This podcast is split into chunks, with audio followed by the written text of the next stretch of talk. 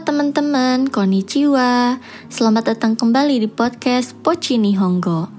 Di episode 18 ini, aku mau ngebahas bunpo yang dasar lagi nih, yaitu pola kalimat yang berarti naik.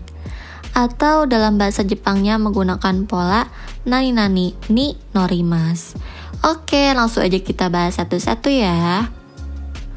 Nah, pola kalimat ini digunakan untuk menunjukkan bahwa pelaku menaiki sesuatu. Kita ingat-ingat lagi ya, kalau polanya yaitu nani nani ni norimas yang berarti naik. Tolong dicatat ya.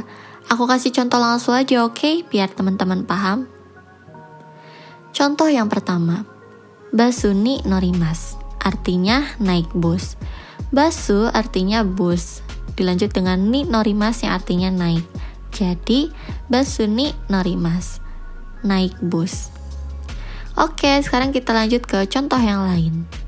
Dan shani norimasho, artinya mari kita naik kereta. Dan sha artinya kereta. Dilanjut dengan ni norimasho yang artinya mari kita naik. Jadi, dan shani norimasho, artinya mari kita naik kereta. Oke, sekarang kita lanjut ke contoh yang lain. Takushi ni norimaseng, artinya tidak mau naik taksi. Takushi artinya taksi. Dilanjut dengan ni norimaseng yang artinya tidak mau naik. Jadi, takushi ni norimaseng. Artinya tidak mau naik taksi. Oke, sekarang kita lanjut ke contoh yang lain.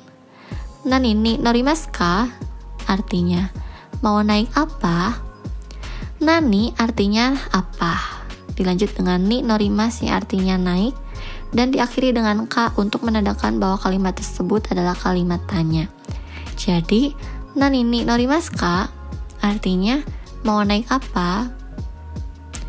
Oke, sekian. Semoga teman-teman udah bisa lebih paham ya. Sekarang teman-teman coba buat 1 sampai 2 contoh kalimat dari pola kalimat di episode ini.